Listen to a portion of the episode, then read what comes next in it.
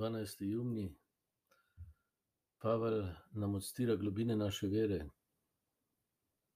To bi nekako takole bi.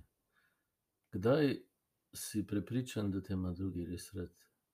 Ko te sprejme v zelo, ko vzame nase tvoje zlo, ko te ne zavrže, ko si ujet v zlo, hudobijo, sovraštvo, smrt in tako naprej. Tudi če ga to stane njegovega lastnega življenja. In to je Kristus naredil. njegove rane so tudi očetove rane. To ni zdaj oče poslal sina, da bo trpel, ne. Oče je na sinu pokazal, da nas ljubi tudi kot kriminalce, tiste, ki življenje uničimo, ki ga ne maramo. Jasno, s tem ne maramo očeta, Boga očeta in tega, kar nam je podaril in kar nas je povabil. No, se pravi, Kristusove rane so tudi očetove rane.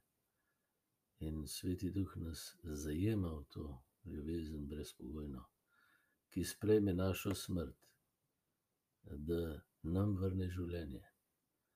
Ki sprejme našo temo, da nam vrne luč. Ki sprejme, našo nebogljenost in krhkost, da iz nje naredi, večno skupnost, občestvo. Jaz zate, ti zame. Da lahko, kot molimo v evharistični molitvi, ne živimo več sebi, ampak njemu. V tem je lepota. Živiš tistemu, ki te brezpogojno ljubi.